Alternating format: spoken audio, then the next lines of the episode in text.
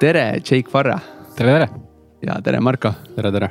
täna on meil jälle siis sihukene hästi äge saade, et äh, meil on külas tippfotograaf Jake Varra, nagu ma mainisin. sa oled äh, selles valdkonnas tegelenud üle kümne aasta, on mul õigus? jah, täitsa õigus just, ja siis sa töötad väga erinevate projektide kallal, sa toimetad nii eraisikute pulmade ja perepiltidega kui ka siis ettevõtete portreede, reklaamfotode ja muu säärasega mm. -hmm. kui palju üldse terve oma eluaja jooksul sa oled kaamera nuppu jõudnud vajutada? ma arvan, et see piltide arv läheb juba miljonitesse, et on ikka päris palju tehtud ja ongi, et ma alustasin vist mingi nii kui ma kaheksateist sain, nii et pea kaksteist aastat tagasi juba mm. -hmm. ja siis äh, kui palju nendest miljonitest piltidest reaalselt jõuavad siis kliendini või? tegelikult see suhtarv on palju väiksem, ma arvan, et kui ma olen klõpsutanud paar miljonit pilti, siis võib-olla reaalselt inimesteni jõuab võib-olla kümme protsenti või isegi vähem sellest. kümme protsenti? tegelikult on vähem jah. ossa kurja, see on päris huvitav suhtarv yeah.. aga jälle uus teadmine selles mõttes. ja no näiteks ongi, et kui sa pulmas pildistad, sa pildistad täispika päeva, sa teed seal ütleme mingi kuus-seitse tuhat pilti. sa kliendile tegelikult ikkagi annad üle viissada pilti. ja, ja võib-olla see viissada on isegi palju, sest et mida vähem sul on, seda kvaliteetsem see üks pilt tundub, et äh, ma pigem äh, rõhuks seda mm. -hmm, väga hea mõte. ja siis lisaks fotograafia tegevusele sa tegeled väga aktiivselt ka investeerimisega ja ongi just eh, noh, selles mõttes äge tuleb see vestlus, ma juba tunnetan, et sul on põhitegevus igapäevaselt muus valdkonnas, toimetad seal aktiivselt ja siis mhm. lisaks tegeled investeerimisega, et äh, sihukene super kombo ja ma arvan, me Markoga väga äh, samastume siinkohal ja siis tänane plaan tegelikult olekski rääkida rohkem sellest, et millised on üldse sinu põhimõtted nii tööeetika, enese ülesehitamise ja muu selle poole pealt, kui ka siis investeerimise ja seal konkreetsete valikute tegemiseni välja, nii et sõidame. sõidame. Davaiks, aga hakkamegi äkki siis sellest otsast peale, et, äh, et äh, sa ise oled öelnud tegelikult, et selle tippfotograafi staatuse väljateenimine ja sinna jõudmine võttis nagu meeletult pikki aastaid aega. kuidas sa üldse võib-olla alustuseks jõudsid fotograafiani? et ma jõudsin selleni, et ma noorena proovisin lihtsalt erinevaid hobisid, ma olen proovinud äh, boksis käinud ja karateed teinud ja kabet käinud mängimas ja enne kui ma fotograafiasse jõudsin, siis ma mingi pool aastat äh, püüdsin äh, kitarrimänguga läbi lüüa. aga ma tundsin, et ma ei jõua sellega sihukesele tasemele, mis ma tahaksin. ja, ja siis ma mingit läbi jõudsin fotograafiani, hakkasin pildistama. mäletan, et tol ajal oli Reit ja Orkut oli populaarne, siis ma vaatasin inimeste profiilipilte ja mõtlesin, et, et mõni vajaks võib-olla uuendust ja ja, ja sealt nagu see motivatsioon tekkiski mulle, et ma tahtsin olla see, kes pakub äh, inimestele võimalust äh, enda visuaalset identiteeti paremaks muuta mm. -hmm. ja jah, ja nii ta läks. ja kuidas sa siis oled nagu tänasesse punkti sellesse jõudnud, et sa oled Eestis äh, sellel maastikul väga tuntud inimene ja, ja noh, kuidas nagu see niimoodi arenes sinnamaani? no Eestis ma arvan, et ükskõik mis elualal sa oled, on tegelikult kerge läbi lüüa, sest et Eesti oma väiksuses on selles mõttes hea, et kui sa teed midagi hästi, siis suust suhu leviv reklaam on kõige parem reklaam. Ja, ja tänu sellele on sul võimalik jõuda väga paljude inimesteni. ja, ja see teekond on tegelikult väga pikk olnud, et see ei tule üleöö, et võib-olla üleöö kuulsuse sa saad, kui sa oled kuskil Rannamaja saates, aga, aga sihuke hea ja professionaalse kvaliteetse mm, teenusepakkuja staatuse sa saadki aastatepikkuse tööga, et sa lihtsalt tükkhaaval päeva kaupa liigud sinnapoole mm. -hmm. ehk siis sa oled kogu aeg hoidnud kvaliteeti yeah. pildis olnud ja siis nii-öelda word of mouth on sinu parim. Äh, täpselt nii, et ongi, sul peab olema sihuke sihikindlus ja, ja sa pead tegema seda, et sa võid olla väga andekas, aga kui sa pildistad ainult sahtlisse ja need pildid kuskile ei jõua, siis keegi ei tea sind ja, ja sellel ei ole ka nagu pointi mm. -hmm siis hästi huvitav veel, et sa olid äh, nii-öelda alates siis fotograafiaga alustamisest kuni tänaseni. sinna vahele jäi periood, kus sa olid äh, paar aastat Austraalias mm -hmm. ja noh, ütleme kohalikust maastikust on ju täiesti eemal ja noh. et mis see kogemus sulle andis või mis sa nagu seal õppisid või kuidas sa üldse sinna sattusid? Äh, ma jõudsingi selleni selle, selles osas, et ma tunnen, et kui sa tahad kuskil areneda, sa pead ennast mugavustsoonist välja lükkama ja sa pead kogu aeg püüdlema nagu uudsuse poole. ma tundsin, et äh, enne kui ma Austraaliasse läksin, siis ma olin äh, ka Eestis, mul oli päris korralik kliendibaas, aga ma pildistasin põhiliselt üritusi ühelt ürituselt teisele iga õhtul olid äh, mingisugused erinevad üritused. ja ma ei saanud sellest ringist nagu välja. mind kutsuti, mind teati kui head ürituse fotograafi ja, ja ma ei suutnud ei öelda, nii et siis ma olin kogu aeg selles ühes ringis. kuni ma lõpuks tundsin, et mul on vaja mingit uudsust ja, ja ma tahan midagi teistmoodi teha. Ja siis ma võtsingi vastu otsuse, et on aeg Eestist ära minna. jätsin kõik oma kliendid kogu selle võrgustiku, mis ma siin olin nende aastatega üles ehitanud ära. Läksin Austraaliasse, alustasin kõike nagu nullist, et kui ma sinna läksin, siis mu mõte oligi see, et teha alguses vähemalt oma farmipäevad ära, see annab mulle võimaluse seal kaks aastat olla. ja siis keskenduda sajaprotsendiliselt sellele, et ma saaksin pildistamisi teha. ja, ja seal oligi koge-, nagu minu jaoks väga uus kogemus oli see, et et sa lähed sinna, sa oled mitte keegi põhimõtteliselt ja et endale tööd leida, sa pead käima ukselt uksele, koputama stuudiote uksele ja pakkuma, et ma tulen teile pildistama ja võtke mind vastu, et et see oli väga sihuke enest, enese, väga eneseüllatav tegevus mm. -hmm. mis sa nagu sealt endaga peamiselt kaasa võtsid, naastes nüüd Eestisse? ma arvan, põhiliselt võtsin kaasa selle, et äh, kuidas introverdis, mina, ma ise olen introvert, aga kuidas nagu mõjuda inimestele ekstraverdina, sest et kui sa, inimene tuleb su juurde pildistama, siis sa pead teda ikkagi kütkestama sihukese power'i ja sihukese energiaga. kui sa tuleb, kui ta tuleb sinu juurde, sa oled introvert ja sa midagi ei räägi, oled lihtsalt vaikne ja, ja ei tekita inimesel võimalust olla vaba, siis ma arvan, et see ei löö nagu läbi fotograafias mm. -hmm. ja oskad sa võib-olla nagu sinna juurde veel nagu täienduseks tuua, et see on iseenesest päris nagu lahe kuulata, et, et mis sa nii-öelda, kuidas sa praeguseks nagu arenenud oled, mis sa Austraaliast õppisid. aga kui sa võib-olla oskad sõnastada kolm sihukest peamist tegurit, et mis on sind tänaseks siia toonud üldse mm, -hmm. mis need, mis need nagu oleks ma arvan, et põhiline ongi see, et sa pead olema järjepidev, sa pead olema pildil. et see kaks aastat, mis ma ära olin, ma kaotasin kõik need kliendid ära, kes äh, selleks ajaks olid, kellega selleks ajaks olid kontaktid saadud. Aga, aga see, et ma olin pildil, ma postitasin sotsiaalmeediasse asju, andsin teada, et ma olen varsti tagasi tulemas. tänu sellele see tagasitulek ja siin oma brändi uuesti ülesehitamine läks väga valutult. ja pigem ongi jah see, et sa oled ka inimeste vastu hea, et sul ei tohi olla sellist äh, võib-olla ülbet suhtumist klientidesse, et mingil määral klient on kuningas. aga, aga kui sa oled siiras ja aus, siis äh, ma arvan, et sellega jõuab kaugele. Kui nüüd äh, tulla sellest loomingulisest ja pildistamise maailmast äh, nüüd see finantside maailma, et äh, kas saad meile rääkida ka oma sellise back story, kuidas sa leidsid sellise finantsid, investeerimise ja, ja nagu ma aru saan, siis veel mitu korda? ja, et äh, alustasin tegelikult investeerimist, eh, ma olen kaks korda alustanud, esimene kord ma alustasin enne viimast äh, kriisi või mitte viimast kriisi, siis üle-eelmist kriisi põhimõtteliselt. või sorry, viimast kriisi ikkagi, see, mis oli kaks tuhat kaheksa ja kaks tuhat üheksa. Et ähm, tol ajal, on, nüüd on päris palju aega tagasi sellest, aga kui ma alustasin, siis mul ei olnud mingeid eesmärke. ma ei teinud asju mõtestatult, mul jäi lihtsalt raha üle äh,. ja kuna tol ajal äh, aktsiad ja üldse investeerimine muutus nagu populaarseks. Äh, kuna oli noh, selline buumiaeg, siis äh, ma otsustasin ka aktsiatest, äh, aktsiatesse investeerida. enne seda ma olin just Robert Kiyosaki raamatuid lugenud kinnisvarast ja kinnisvara mulle väga meeldib. Aga sinna see sisenemisbarjäär on lihtsalt nii suur, et, et aktsiad tundusid ainuke loogiline variant sealt. ja, ja siis mul oligi selline mentaliteet, et osta, müü, kahetse et ma ostsin aktsiaid ja vaatasin, et äh, kõik läheb punasesse. tahtsin oma sente tagasi korjata, müüsin maha ja mõtlesin, et investeerimine on saatanast ja ma rohkem sellega ei tegele. ja siis äh, läks kõva mitu aastat mööda ja kaks tuhat seitseteist hakkasin uuesti pihta. ja siis nüüd olen järjepidevalt edasi investeerinud. mis selle vahepeal siis äh, toimus, ütleme et, et äh, kriis oli seal kaks tuhat kaheksa, kaks tuhat üheksa, mhm. siis ilmselt oli see müügiperiood yeah. ja kaks tuhat seitseteist, et seal vahe on, vahel on kaheksa aastat, et äh, kuidas see mõttemaailma ülesehitamine selle kaheksa aasta vältel käis, et taas alustada investeerimisega?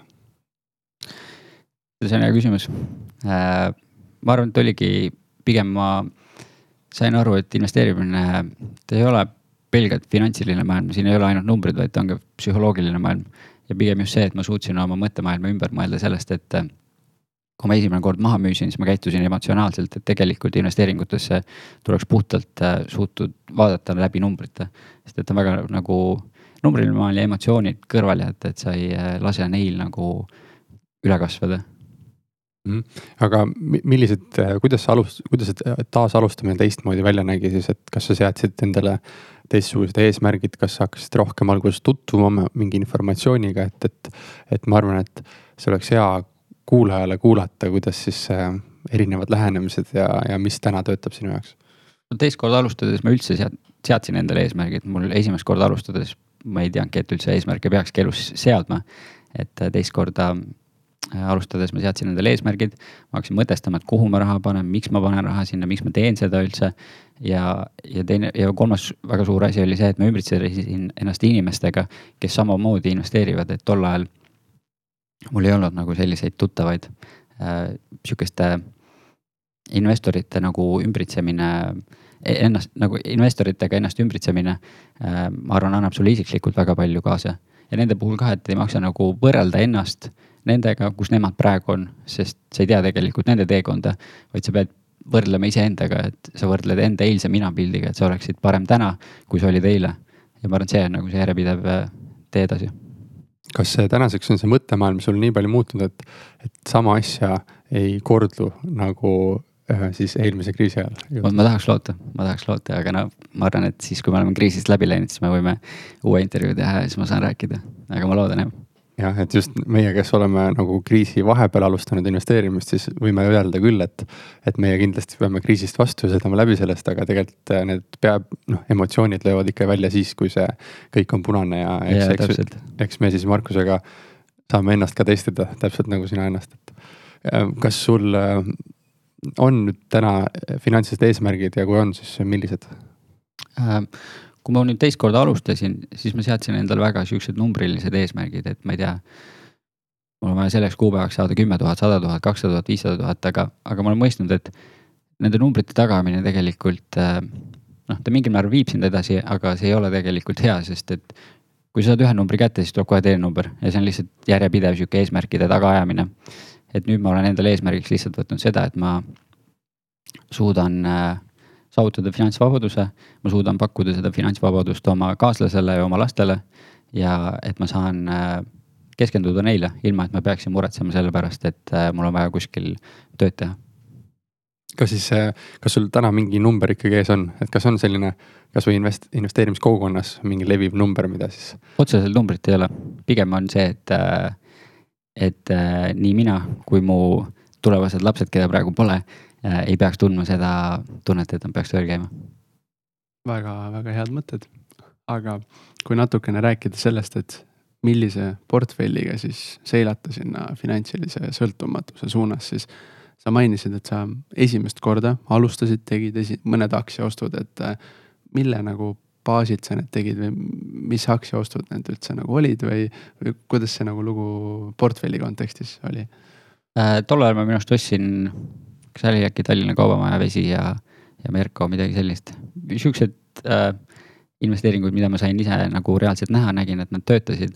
aga siis, kui ma nägin, et see investeering kukkus mingi, minu arust oli kas kuuskümmend või seitsekümmend protsenti, siis see oli ikkagi piisavalt suur nagu kukkumine. Need summad ei olnud küll väga suured, ma selleks ajaks investeerisin aktsiatesse mingi kümme tuhat krooni või midagi sellist, aga mm. -hmm aga näha, et see on sulanud mingi nelja-kolme tuhande peale, siis see oli ikkagi minu jaoks emotsionaalselt nii palju raske, et, et ma ei suutnud seda raha seal rohkem sees hoida mm. -hmm. kuigi nüüd tagantjärgi vaadates, kui ma oleksin jätnud selle ja jätnud ka need dividendid, mis äh, tulevatel aastatel oleks tulnud, siis, äh, siis mu portfell praegu oleks nagu kordades suurem mm. -hmm. ja nüüd, kui tuua siia sisse nüüd seda teistkordset alustamist mm, -hmm. kuidas sul siis see taasalustamine välja nägi või millesse sa siis rohkem fokusseerisid mm,?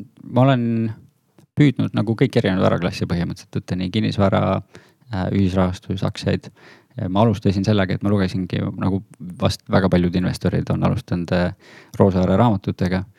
Äh, need töötasin endal läbi, aga lihtsalt mingi hetk sa mõistadki, et kui sa reaalselt midagi ei tee, siis ei jõuagi kuskile, et sa võid nii palju teooriat lugeda, kui sa tahad, aga kui sa nagu praktiliselt ei tee midagi, siis ei ole sellest kasu mm. -hmm. ja, ja sa näed lihtsalt, kuidas inflatsioon nagu tükkhaaval su kogutud vara ära võtab. ja, ja, ja nüüd, kui sa võrdled neid esimest ja teist korda, siis millised võib-olla õppetunnid sa nagu sellesse teistkordsesse alustamisesse endaga kaasa võtsid või, või mis on siuksed head asjad, mida sa nagu meenutad? no ma arvan, põhiline ongi see, et sa pead olema emotsioonidest vaba ja mm, -hmm. ja tegema asju eesmärgipäraselt, et noh, hea on, kui nad on sul võib-olla numbrilised, aga need ei pea numbriliselt olema, aga lihtsalt, et sul on mingi eesmärk, kuhu poole sa püüdled, sest et kui sa ei tea, kus sa oled, kuhu sa püüdled, siis äh, sa ei tea ju, kus sa alustadki mm. -hmm. ja, ja teine, mis mul praegu meelde tuli, oli ka suur asi, oli see, et kui ma teist korda alustasin, siis ma panin endale oma tulud ja kulud kirja. esimest korda seda tehes ma ei teadnud, et sihuke asi üldse olemaski on, keegi ei olnud õpetanud mulle ja, ja see ei tulnud ka mulle pähe, et nüüd, kui ma teist korda alustasin, siis ma sain aru, kus mu sissetulekud tulevad, kus mu väljaminekud on. ja, ja selle abil sa saad nagu minimaliseerida oma väljaminekuid ja maksimaliseerida oma tulusid mm. -hmm. ehk siis see kõik ikkagi nii-öelda see teadlik tegevus algas pihta yeah. teadlikust siis eraisiku finantside nagu juhtimisest. põhimõtteliselt küll jah. teadsid, mis sul nagu eraisiku pangakontol sisse-välja liikluses enam-vähem kajastub ja siis sealt edasi sai nii-öelda asi liikus loomulikult investeerimise suunas. jah yeah,, jah yeah.. väga lahe, aga nüüd sa põgusalt mainisid, et äh, teistkordselt sa alustasid siis laenude, kinnisvaraga, natukene aktsiatega, et äh, noh, põgusamal tasemel, millest sul täna portfell siis koosneb laias laastus? Äh, praegu põhiliselt üle poole kinnisvarast või üle poole portfellist on kinnisvaras ja siis sinna juurde tuleb veel ühisrahastust, aktsiaid, otseinvesteeringuid. Mm, ja sa eelistad siis elukondlikku kinnisvara, ülikinnisvara? Pigem elukondlikku kinnisvara, väiksemaid kortereid, et mul hetkel ongi portfellis siuksed mikrokorterid, ühe-kahetoalised. et ma tunnen, et neil on nagu kõige rohkem turgu Äh, pigem eelistan väiksema ruutmeetriga, mis on äh, praktilisemad, sest neid on kergem välja üürida. ja ma tunnen, et see äh, võiks vähemalt olla selline kriisikindel investeering, et kui kriis tuleb, siis inimestel elukohta on ikkagi vaja mm. -hmm. miks sa oled just ütleme valdavalt kinnisvara ja laenude suunda ennast allokeerinud äh,? kinnisvara puhul sellepärast, et äh, ta on sihuke reaalne asi, mida sa saad reaalselt kuhugi sisse minna, näha, midagi reaalselt omada. ja, ja kui sa seda võimendusega teed, siis tegelikult tootlused on väga head, et sa võid vabalt saavutada kakskümmend, kolmkümmend, nelikümmend protsenti oma raha tootlust. mis on üsna nagu märkimisväärne summa ja, ja ühisrahastuse poole pealt jällegi, et see annab sulle sihukest likviidsust, et kinnisvarasse sisenemine vajab ikkagi suuremaid summasid. niikaua mm, ei ole mõtet seda raha lihtsalt pangakontol seista, et kui sa liigutad selle raha ühisrahastusse, siis on võimalik seal äh, samaaegselt teenida mingit tootlust mm. -hmm. ja siis ütleme, sa alustasid nüüd ütleme kolm aastat tagasi, siis oledki mõlemat portfelli niimoodi paralleelselt nagu kasvatanud ja. või oled sa, oled sa seal kuidagi? pigem on suht, suht paralleelselt, aga oleneb jälle näiteks, et kui, et ühisrahastuses ma investeerin äh, Mintuses ja oma rahas põhiliselt Äh, kui mituses on mingid kampaaniad käimas, siis ma võib-olla allokeerin sinna natukene rohkem, et tootlust sealt suuremat kätte saada mm. -hmm. ja kui on jälle mingi korter tulnud, siis äh, liigutan raha nagu sinna mm. -hmm. mis on siuksed äh, võib-olla peamisemad õppetunnid või ahhaa-momendid nagu siis teistkordsest alustamisest kuni tänaseni, et sa oled kolm aastat väga aktiivselt ja teadlikult tegelenud ja olnud äh, nii-öelda oma nahk väga tugevalt mängus mm. -hmm. et äh, mis sul on olnud siuksed? ma arvan, et äh võib-olla siuksed ahaa-asjad on see, et äh, noh, kergem on olnud võib-olla see, et äh, eesmärk, äh, need, mis sa sead, neid on tegelikult kerge ületada. aga raske võib-olla on see, et tunda rõõmu nende eesmärkide ületamisest, sest et nii kui sa ühe eesmärgi ületad, on kohe järgmine eesmärk ja seda hetke, kus sa reaalselt võtadki aja ja mõtled, et jah, ma olen tubli olnud, seda jääb nagu väheks, sest sul kohe kuskil ajust tuleb mõte, et aga nüüd on vaja sul saavutada järgmine eesmärk see on jah, see on äh, suht tõsi, et, et see kestab nagu hästi vähe aega mm. -hmm. ja, ja vahepeal, miks see, ma olen ise näinud, et tekib selline langusperiood nagu emotsionaalselt on just see, kui sa oled ühe eesmärgi täis saanud. aga sa ei oska veel uut välja mõelda yeah.. et sul ei ole piisavalt head eesmärki ees ja sa, sa nagu ei resoneeru sellega, et numbreid ei saa ka panna täiesti niisama mm -hmm. kirja, et see peab olema nagu läbi tunnetatud, on ju ma olen ise, ise samamoodi seda tunnetanud. nagu aga... nädal aega on sihukene tähend-, tähtsusetu elu natukene.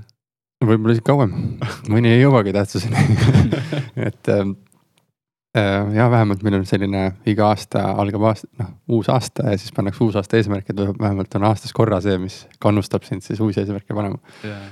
aga Jake, kui ma siis äh, sukelduksin siin kinnisvara teemasse, nagu sa ütlesid, see on kõige suurem varaklass äh,. siis äh, tahaks üksipulgi läbi käia kuidas sa seda teed, mis sul portfellis on ja, kõik nüansid, nii et ma hakkan lihtsalt äh, küsima. esimene küsimus äh, siis sellel teemal on, et kas eraisiku või ettevõttena? ma olen läinud ettevõtte teed, et see on palju nagu maksuefektiivsem ja sa saad seda tulevat üüritulu või siis äh, müügitulu liigutada erinevate varaklasside vahel. kas äh, sa alustasid ka kohe ettevõttena kinnisvara ostmist? kohe läksin ettevõtte peale jah. kas on olnud mingeid kaalutlusi, et teha eraisikuna ja siis üle viia, et on mitmeid erinevaid selliseid skeeme? otseselt ei ole, et kui ma esimest korda alustasin, siis ma alustasin eraisikuna, eraisikuna ostsin äh, aktsiaid. aga kui ma teist korda alustasin, siis ma läksin kohe ettevõtte peale, et äh, kõik, kes tegelikult investeerimisega alustavad, nad, kui nad pikemas perspektiivis seda teevad, siis ma arvan, nad ikkagi jõuavad ettevõtteni välja. ja kuna ma fotograafia teenust pakun ja see on ka läbi ettevõtte, et ma ei tee seda eraisikuna, siis tundus nagu ainukene loogiline lahendus seda et ettevõttena teha. ja et siis saab nagu maksueelset raha investeerida, et ei pea nagu välja võtma. Tundub igati loogiline, kuigi jah, olen noh, kinnisvaras on selline, et, et ostan esimese kodu laenuga ja siis võib-olla saan teise kodu veel kodulaenuga ja siis kuidagi annan need portfelli ja siis hakkan nii heitama, et sellist lähenemist olen kuulnud. jah, aga noh, see eeldab seda, et sul on väga hea palk. aga kui sa oled ettevõtja, siis sul ei ole väga hea palk. just, just, et äh, ikkagi kõige mõistlikum on äh, maksueelseid tulusid investeerida Mm -hmm. Aga milline su kinnisvaraportfell hetkel välja näeb, mitu korterit äh,, kui suured äh,, kõik detailid? no mul ongi praegu pigem äh, väiksemad korterid alla siuksed kolmekümne ruudu. üks on tegelikult kolmkümmend kuus ruutu, aga enamus on ikkagi alla väi, nagu väiksemapoolsed. ma olen eelistanud piirkondadest sihukest Põhja-Tallinna, kesklinna, Kristiine kanti. ja, ja pigem ma valin nagu korterit selle mõ- mõttega, et, äh, vajadusel ma võiksin ka ise seal elada, et mul ei oleks nagu häbi seda välja äh, või noh, välja üürida siis ja inimestele näidata. et ta ikkagi annaks inimesele sihukese tunde, et, et ta on kodus kas sa ostad juba valmis lahendusi või sa sisustad need ise ära? ma olen ise sisustanud. ma pigem eelistaks maksta võib-olla natuke premiumit ja osta äh, juba renoveeritud korter, kui hakata ise tegema, sest et äh, ma olen paar korda võtnud ka siukseid, kus sa pead ise nagu äh, ära renoveerima, siis alati võib tulla mingeid üllatusi. ja lõpuks sul, kuna minu silmis kinnisvara on puhtalt nagu numbrite mäng et kas sul numbrid jooksevad kokku või ei jookse, aga kui sa hakkad renoveerima ja sul tulevad ootamatud üllatused, siis sa võid lõpuks ennast leida olukorras, kus sul numbrid tegelikult ei jookse enam nii hästi kokku. ja kas äh, lihtsalt praegu tekkis mõte, et kas selle renoveerimistegevuse käigus võib se- seda, et sa tahad äh, veel premium, premiumimat korterit ehitada ja veel paremat sisustust võtta ja tänu sellele sul hakkab veel rohkem raha minema, sest iga kord, kui sa poodi lähed, hakkad materjale valima, vaatad, no natuke rohkem paneks, siis saaksin juba selle ja selle ja nii, nii see numbrid ja hakkavad eest ära jooksma ka. nii võib joosta ära ja Eh, aga kuidas sul eh, kinnisvara hetkel tootlust teenib? kas nad on eh, lühiajaline üü- üüritud, lühiajaliselt välja üüritud, pikaajaliselt või siis on üldse kapitali kasvu teinud? Ma ise olen läinud pigem pikaajalise üüri teed, et seal on kõige vähem sihukest äh, hassle'it, et sa ei pea nagu nii palju ise kohal kogu aeg olema. kui sa teed äh, eeltöö ära, leiad endale normaalse üürniku, siis tegelikult sihukest äh, pidevat nagu kokkupuudet äh, selle konkreetse korteri või majaga ei olegi. Ja, ja paljud siin kinnisvaraportfelli ehitades toovad välja just seda, et, et nad ei taha sellega aktiivselt tegeleda, et see aktiivsus nagu sööb mingis mõttes tulu ka, et Mm -hmm. kuidas sina oled selle olukorra lahendanud, kas sul on, ise haldad neid kortereid või on keegi, kes aitab? ma hetkel äh, haldan ise, et äh, ma ei ole haldusteenust sisse ostnud. ma tunnen, et ma ise nagu haldusteenust siis just enne näiteks, kui sa välja üürid, et sa ise vaatad üle selle üürniku ja tunnetad ära, et kas see äh, tunne temaga on nagu hea või mitte. ja, ja jooksvaid asju tegelikult ei ole nii palju olnud, et äh, kui mõnikord, ma ei tea, üürnik jääb ukse taha, tal on võtmed vaja, et siis sa pead küll viima, on ju, aga, aga need äh, noh, ei ole nagu konti murdvad selles suhtes. kas äh, sul on kinnisvaras keegi eeskuju ka, selline, keda sa oled nüüd jälginud viimased aastad ja, ja tema on nagu, tema õpetuste järgi oled, oled käitunud? Äh, otseselt niimoodi eeskuju ei ole, kas oli vist Ergo Mõttus oli vist Tartus on ju, et tema on selles mõttes äh, eeskuju, kuidas saavutada mingi paarisajane korteriline üüriportfell endale, et äh, võiks ka kunagi jõuda sinnakanti. ja, ja võib-olla siis küsimus selle kohta, kuidas sa leiad enda jaoks põnevaid objekte, et ähm, mis ähm, internetis, kas sa kasutad mingeid portaale, tutvused äh,, mingid grupid, üritused? Põhimõtteliselt kõike jah, aga, aga põhiliselt, kus ikkagi on tulnud, on lihtsalt see, et sa aktiivselt jälgid portaale või siis äh, sotsiaalmeediasse postitatakse ka. et need on nagu põhikohad, kust äh,, kust on nagu näkanud, et päris sihukest. noh, ma tean, et paljudel investoritel on ka maakleritega mingid oma eridiilid, ma veel sinnamaani ei ole jõudnud. aga see oleks ka nagu asi, mida võiks uurida ja endale kasutusse võtta mm. -hmm. aga mil-, ütleme selle projekti nagu leidmise teekond siis minu arust nagu noh, sul ju liigub hästi palju erinevat infot erinevas konditsioonis, maju, kortereid mm -hmm. erinevates linnaosades, et oled sa kuidagi nagu ära filtreerinud selle enda jaoks mingid filtrid nagu peale pannud või, või kuidas sina just jõuad nende pakkumisteni, mis sind huvitavad? no sa saad endale iseenesest kinnisvaraportaalides sätestada nagu, et mis parameetrite järgi sa kortereid otsid, et ma otsingi mhm. siukseid väiksemaid, ühe-kahetoalisi ja olenevad siis seisukorras siuksed, kus võiks äh, üüritootlus ilma võimenduseta olla sihuke kaheksa-kümme protsenti. Mhm. ja, ja siis võimendusega ta võikski jääda kuskil kahekümne, kolmekümne kanti. Mhm. aga kuidas sa seda üüritaset üldse hindad? selle jaoks sa saad teha sihukese triki, et äh, enne kui sa võib-olla ära ostad, äh, võtad need pildid ja paned lihtsalt üürikuulutuse üles ja vaatad, kas sul on huvilisi. ja kui sul tundub, et on nagu väga palju huvilisi, siis järelikult see objekt nagu läheb ära. See on päris hea mõte ma ei ole isegi mõelnud selle peale ja siis oled sa nagu reaalselt praktikas, ütleme, teinud läbi ka selle? ja, ei ma olen mitmeid kordi nii teinud jah, sest et sul on vaja ikkagi testida ära need. et mõnikord noh, enamasti sa ikkagi tead, mis üüriturul äh, liigub, mis hindadega, sest sa pidevalt oled seal sees ja jälgid, aga, aga mõne objekti puhul võib-olla sa täpselt ei tea, tahad proovida, et kui palju sul on võimalik siit välja nagu pigistada ja siis panedki siukse nii-öelda siis võltskuulutuse üles ja vaatad, palju sealt huvilisi tuleb mm. -hmm. aga nüüd ütleme hüpoteetiliselt, me leiame, leidsime korteri näiteks Kristiine linnaosas on ju mm, -hmm. siis millised on sinu siuksed võib-olla peamised küsimused, millega sa, millele sa selle objektiga seoses vastust tahad leida, et mis on sul siuksed nagu rusikareeglid või, või sind enim huvitavad asjad selle mm -hmm. korteriobjektiga seoses? ma arvan see, et miks omanik müüb üldse äh,. siis äh, mis seisukorras seal on kas äh,, milline ühistu on, kuidas seal remondifond on, kas nad äh, plaanivad mingeid suuremaid lisakulutusi, asju teha või mitte. Need on nagu põhilised mm. -hmm. ja siis sealt edasi sa oled nagu selle korteri kätte saanud äh, mis ma lihtsalt ise olen kuulnud nagu, et äh, üürnikud on ju teatavasti väga erineva nii-öelda kvaliteediga inimesed, väga erineva elustiiliga, kes hoiab rohkem, kes hoiab mm -hmm. vähem võõrast vara. kuidas sa enda jaoks nagu selle süsteemi üles oled leidnud, et sa üle, üles ehitanud, et sa just need õiged inimesed äh, sinna oma koju siis saad? ma arvan, et sa peadki nagu tegema taustauuringu, guugeldad, äh, vaatad äh, karistusregistrist. noh, sotsmeedia tegelikult annab ju väga palju infot inimeste kohta, et nad ei mõtle üldse, mida tegelikult avalikult jaotatakse, et kui sul ongi, panedki pilte ülesse, kus iga teine pilt on mingi pidu või sa suitsetad või midagi sihukest, siis noh, sa saad ta kohe elimineerida sellega ja, ja sama nagu ka sisetunne, et kui sa saad sellega inimese reaalse, inimesega reaalselt korteris kokku. kuidas ta sulle tundub, kas ta jääb hiljaks või ta tuleb kohe kohale, on ta juba enne näiteks kohal äh,. kuidas ta sinuga suhtleb äh,.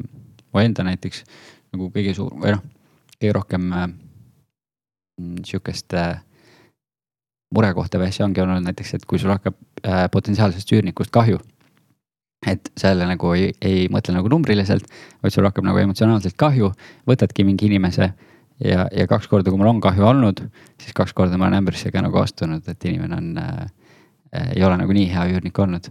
et pigem selle puhul ka, et sa pead ikkagi vaatama, et inimene on nagu selles mõttes jätkusuutlik, et ta suudab tasuda seda üüri ja, ja jah, vaadake, et võimalikult vähe nagu probleeme võiks sellest inimesest tulla mm. -hmm. ehk siis ikkagi tegelikult tuleks nii-öelda seda väljaüürimise poolt ka just väga rangelt äh, pigem, pigem jah äh, ajada, eks ole. ma arvan küll jah, aga noh, kõigepealt numbrid ja siis vaata, kuidas inimene sulle endale isiklikult nagu istub, et kui ta tundub sihuke normaalne, siis, siis on kõik hästi mm. -hmm. kas on mingisugune riskigrupp ka äh, sinu praeguse nii-öelda kogemuse põhjal, kellele see kindlasti ei annaks äh, jumala eest oma korterit? otseselt sihukest asja ei ole, et nagu oleks mingi kindel inimene, kellele ei annaks, aga kui ma ise nagu enda kogemuse ja teiste kinnisvarainvestorite põhjal olen, oleme rääkinud, siis kõige suurem riskigrupp on üksik noor naisterahvas tegelikult, mis on nagu suht üllatav, aga, aga, aga nendega on jah, kuidagi on juhtunud niimoodi, et võib mingeid äh, probleeme esineda. üksik noor naisterahvas? saad sa palun kirjeldada seda natukene, millest lähtuvalt äh,?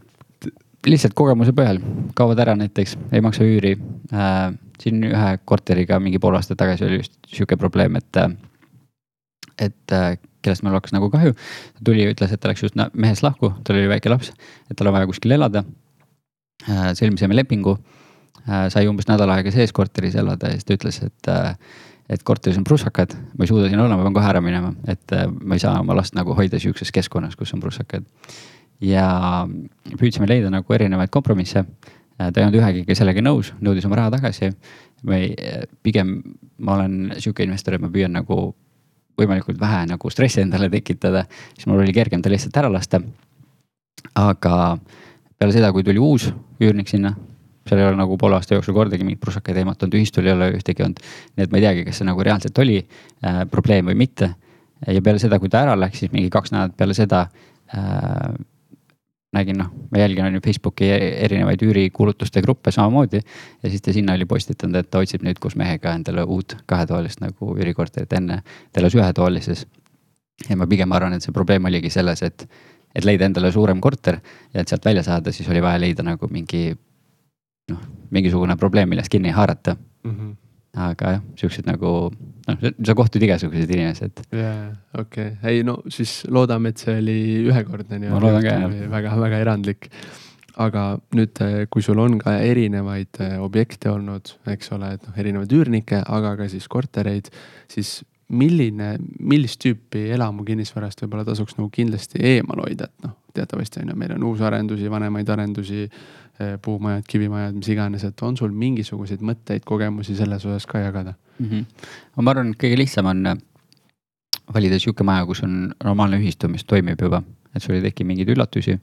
teine asi on see, et äh, ma ise pigem eelistan väiksemaid kortereid, suuremate korterite puhul äh, on liiga palju võib-olla tühja ruumi ja sa maksad selle ruutmeetri eest, et kui üürnik tuleb, siis tema vaatab tubade arvu, mitte ruutmeetreid, et ta ei vaata, et kas siin on, ma ei tea, nelikümmend ruutu või ta pigem vaatab, kas siin on kaks või kolm tuba. et äh, mõistlikum on nagu välja praakida nagu siukseid suuremaid asju, sest numbrid jooksevad sulle väike, väiksemate äh, objektide puhul nagu paremini kokku mm. -hmm. oskad sa võib-olla midagi veel nii-öelda täiesti muud lisaks veel välja tuua, mis on äh, ütleme mille, millega kindlasti tasuks nagu analüüsis arvestada, kui sa soetad äh, üürikinnisvara endale või mis on niisugune puht sinu kogemuse põhjal nagu välja tulnud sihuke hea õppetund, ahhaa-moment mm. -hmm.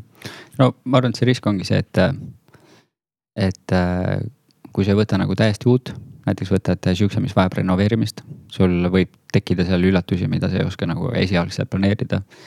ja, ja see viib sul numbrid nagu paigast ära. teine asi on see, et kui sa ikkagi oled üürikinnisvaras, siis äh, sa pead üürnikule olema kättesaadav. et kui sa otsustad, et sa lähed nüüd puhkusele, aga sul üürnik jääb ukse taha ja tal on vaja nagu sisse pääseda, siis sa pead midagi välja mõtlema, et kuidas ta sinna sisse tagasi pääseks. ja, aga muus osas ma ütleks, et nagu üürikinnisvara pakub või noh, kinnisvara üldse pakub sulle väga palju väljakutseid ja väga palju võimalust sul ise areneda ja väga palju õppida, sest ma tunnen, iga objektiga õpin jälle midagi uut mm. -hmm. äge ma tahaksin teemaga liikuda siis ähm, teise selle varaklassini, mis sul portfellis on ja mis on üks minule huvi pakkuvaid teemasid ka nimega fikseeritud tulumääraga instrumendid ehk siis äh, maakeeli äh, laenud ja laenuinstrumendid ja võlakirjad. Millist rolli need sinu portfellis mängivad, kui suure osakaaluga on esindatud? Nad on umbes sihuke kolmkümmend, nelikümmend protsenti mu portfellist ja, ja nad mängivad rolli selles osas, et nad annavad mulle likviidsust äh,.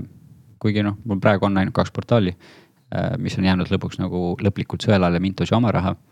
aga, aga vastavalt oma siis äh, äh, vastavalt portaalile nad pakuvad üsna head minu arvates tootlust, et oma raha, oma rahas on sul võimalik saada sihukest seitsmeteist protsendist netotootlust ja, ja Mintos äh,. noh, seal kõigub küll on ju, oleneb, kuidas cashback'id asjadega on aga ta jääb ka sellise kaheteist, neljateist protsendi vahele. aga kas on lisaks äh, ühisrahastusele ka mingeid muid instrumente, kas sul on võlakirju, kas sa oled otse andnud laenu? olen otse andnud laenu jah, võlakirju ei ole. aga, aga siis puudutamegi näiteks äh, alustades seda otselaenude teemat. Et, et ma saan aru, et see on nagu vähemusesinduses võib-olla mm -hmm. pigem, aga, aga milliseid laene sa eelistad, äh, kus need sinuni jõuavad? ma arvan, et see liigubki tutvuste kaudu, et kui sa ümbritsed ennast nagu investoritega, siis äh, siis siuksed diilid nagu jõuavadki sinuni ja, ja millist ma eelistan, seda on nagu raske öelda, sest see oleneb nii spetsiifiliselt, et mille jaoks see raha läheb ja kes seda küsib ja, ja kus seda nagu kasutatakse. Aga selline on tagatise eelistus või, või pigem? pigem äh, jah, eelistaks tagatisega ikkagi mm. -hmm. selge, aga nüüd, kui vaadata nüüd Oma Raha ja Mintose portaale, siis, äh, siis miks need kaks portaali on jäänud sõelale, kas sa oled teisi ka proovinud? kunagi proovisin Dvinot, aga kuna nad väga oma aruandeid esitada ei tahtnud ja tundus sihuke natuke nagu kahtlane, siis äh, sealt sai välja võetud. ja Mintus on nii suur, et ta hõlmab endas nii palju väiksemaid neid laenuandjaid siis, et ma ei ole tundnud vajadust, et mul oleks vaja veel kuhugi hajutada seda raha ja oma raha puhul, kuna see on eestlaste enda oma ja see enam-vähem nagu saad sellele silma peal hoida mm. -hmm et see on äh, läbiv trend on ka, et ikka jääb, jääb aina rohkem ja rohkem kõrva, et, et Mintus ja oma raha mm -hmm. ja teised on äh, vähem esindatud yeah.. millegipärast. sest nagu nii palju, kui ma nagu blogisi lugenud, siis väga paljud blogijad panevad sutsuke siia, sutsuke sinna ja nagu hästi paljudesse erinevatesse platvormidesse. Ma ei tea, minu arvates selle miinus on see, et sa pead iga platvormi endale selgeks tegema. ja, ja mingil määral pannakse võib-olla isegi neid nagu läbimõtlematult sinna, et kui siin just Koetsal, Koetsal vist oli, on ju mm. -hmm. pani äh, uksed kinni, kas sealt saadakse raha tagasi või mitte, Investio kohta räägitakse, et käib ka mingi sahkermahkerdamine, et äh, on üsna kerge võimalik kogu oma portfelli ära kaotada niimoodi. Mintose puhul vähemalt on nii suur, et äh, loodetavasti temaga ei juhtu midagi, aga noh, kunagi ei tea, alati võib midagi juhtuda mm.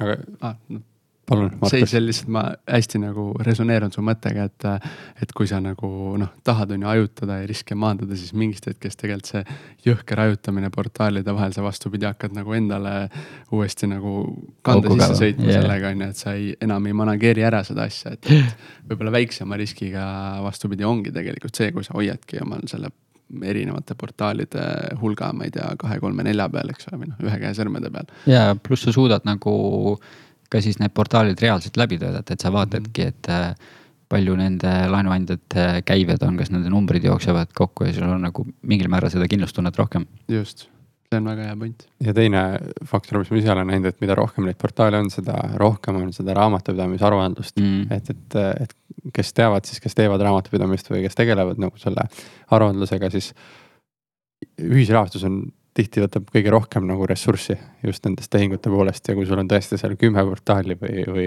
või mitu portfelli mingis portaalides, siis annab neid äh, saata neid aruandeid, on ju. Mhm. ja, ja mida tihemini sa tahad teha neid, kui tahad veel ülevaadet saada oma raamatupidamist iga kvartal, siis sa pead iga kvartal seda tegema, mitte iga aasta. et, et ma ise olen sellega kimpus olnud ja see on üks hea ajend, et kui sul tõesti on nagu ainult mõned sajad eurot nagu portfelli, portaalis kuskil ja sa sellepärast pead siis mitu korda aastas nagu aruandeid saatma, siis vaatad, et, et selle kümne euro pärast, mis ma siit teenin yeah., ma ei viitsi neid aruandeid saata yeah. aga kui nüüd vaadata sinna portaalidesse sisse natuke, et milliseid laene sa eelistad, mis strateegiat sa oled kummaski üles ehitanud äh,? oma rahas ma võtan nelja-viieaastaseid laene ja siis kahes kõrgemas äh, riskigrupis ma võtan neid sellepärast, et minu jaoks äh, on seal halbade laenude osakaal kõige nagu väiksem ja minu jaoks siis kõige suurem nagu tootlus selle läbi. ja Mintuse puhul äh, hetkel ma investeerin äh, Finco Armeenia laenudesse, mis on siis endine Varks. seal praegu saab viieteist poole protsendiga neid välja anda, mis on nagu üllatavalt suur. ja need on siis nagu lühiajaliselt, et seda port-, portfelli nii-öelda likviidsed hoida. ja pikaajaliselt hetkel äh, Credit Stari Eesti laenud, kuna nende nagu andmed, asjad on ka kõik nagu avalikud, siis enam-vähem tead, et ettevõte toimib, kasumid jooksevad, nii et saad üsna nagu murevabalt sinna raha paigutada. enne seda mul oli ka Mogo, just eelmine aasta, kui see Mogo cashback'id või oli see juba üle-eelmine aasta, kui need cashback'id olid, et siis väga suur osa mu portfellist oli ka Mogo laenudesse antud, aga praegu ma tunnen, et turul on nagu paremaid pakkumisi juba, kui Mogo suudab nagu pakkuda kas sa oled kaalunud ka, kui sa rääkisid Credit Starist, siis on võimalik Mintose kaudu nende laenudesse investeerida ja on ka olemas võimalus võlakirjade kaudu äh, osta Credit Starist siis neid äh, nõute mm. -hmm. et, et äh, kas sa oled neid omavahel võrdlusse pannud ja on, on sul mingid mõtted tekkinud? aga mulle tundub, et Mintose puhul on parem, sest see on likviidsem, et Credit Stari võlakirju maha müüa on nagu keerulisem. minu arust see tootlus vist ei olnud ka päris nii suur, kui Mintoses pakutakse, et Mintoses vist Credit Star pakkus kaksteist kui ma ei eksi, siis vist võlakirjad olid üksteist äkki või oli vähem isegi. midagi sellist. jah, üheteistkümnega, aga on seal erinevus äh, mingis äh, faasis, et kui, kui ettevõte siis hakatakse konsolideerima, midagi tegema, et siis kumb, kumb ennem tagasi tuleb? kas kellelgi on kogemus siin? kogemust ei ole, aga võlakiri ikkagi tuleb ennem tagasi. Ja et ma olen ka kuulnud, et paljud positsioneerivad sellepärast, et natuke võtavad siis Mintosest ja mingi osa võtavad siis võib-olla võlakirjana, et siis sul on erinevus astmes selles ettevõtte kapitali struktuuris, et teda võlakiri peaks enne tagasi maksma kui need, need laenuportfellid siis mm. -hmm. no ma olen püüdnud mõelda seda, et kui juba sihukesesse staadiumisse jõuame, siis on juba nii või naa nagu probleem. et äh, pigem siis ma võtan ühe selle probleemi, kui et ma jaotan selle probleemi kaheks hea point. jah, samas, samas. Make sense et äh, ja, ja riskide läbi, kas sa näed äh, milliseid riske sa näed üldse sellises ühisrahastuses ja, ja kuidas sa neid äh, maandad? ma arvan, et kui sa teed endale nagu eeltöö hästi ära ja uurid äh, välja, kuhu sa seda raha paned, siis tegelikult äh, sa saad endast nagu kõik teha, et äh, kui tuleb nagu mingi ootamatult mingi omanik või keegi paneb selle raha tasku, siis noh, sa ei saa selle vastu ennast tegelikult äh, kuidagi nagu noh, sa ei saa selle vastu võidelda, sest see lihtsalt juhtub. aga ma arvan, piisabki sellest, et sa vaatad numbrid, kõik tootab, äh, kõik jookseb nagu kokku ja võib-olla siis äh, püüad enam-vähem seda hajutada ka. siis, kui põrgatada natukene seda aktsiate teemat, sa ütlesid, et sul on natuke portfellis ka üksikaktsiaid ja iduinvesteeringuid ja otseinvesteeringuid mm, et äh, millist nii-öelda, millist rolli aktsiainvesteeringud sinu portfellis mängivad?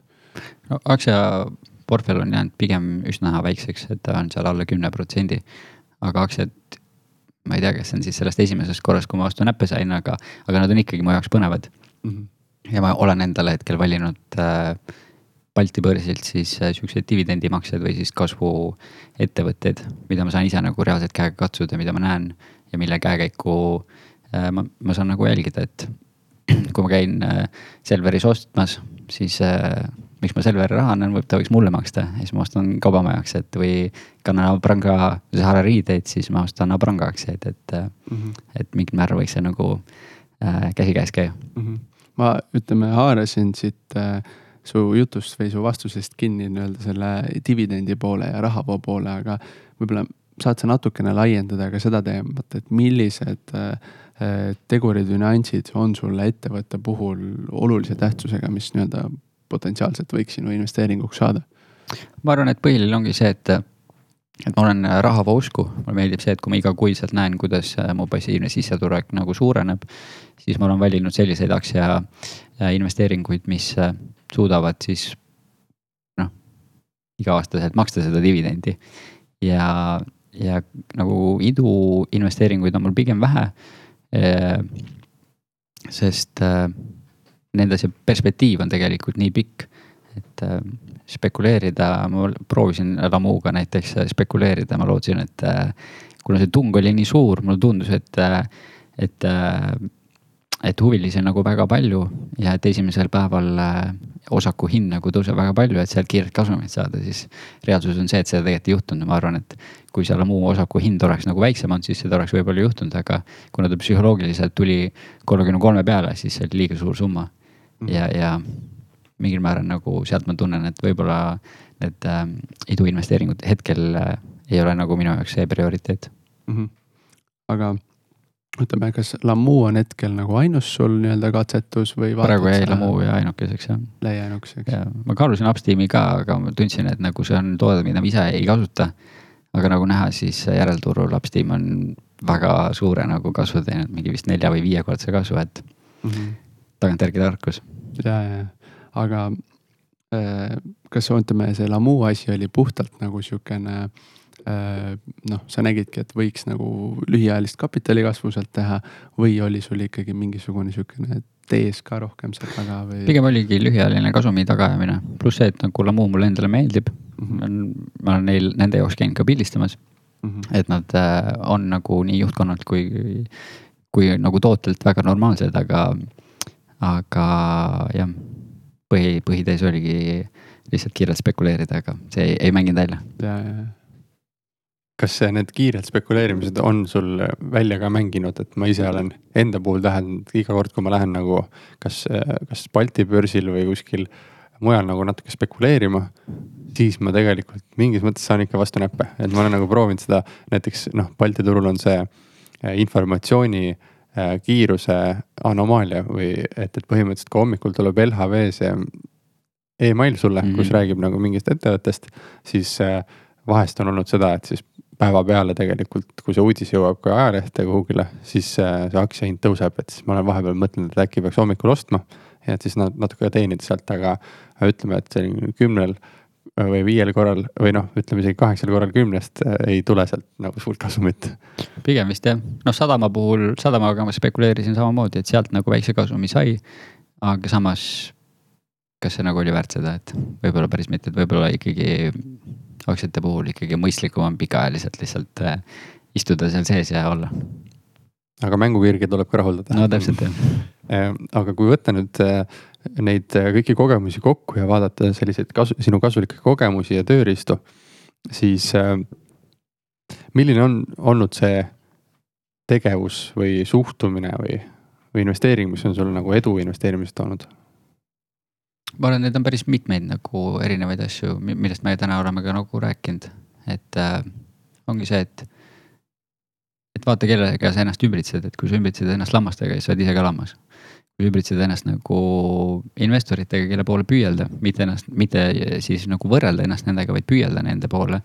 siis sa hakkad ise ka seda mm, mõttemaailma endasse võtma ja teine asi ka näiteks, et äh, Buffett on öelnud, et tema parim investeering on äh, tema naine et äh, kui sa leiad enda kõrvale kaaslase, kes jagab sinuga sama mõttemaailma ja, ja nagu lühidalt öeldes ei tekita probleeme, vaid sul on nagu hea kerge olla.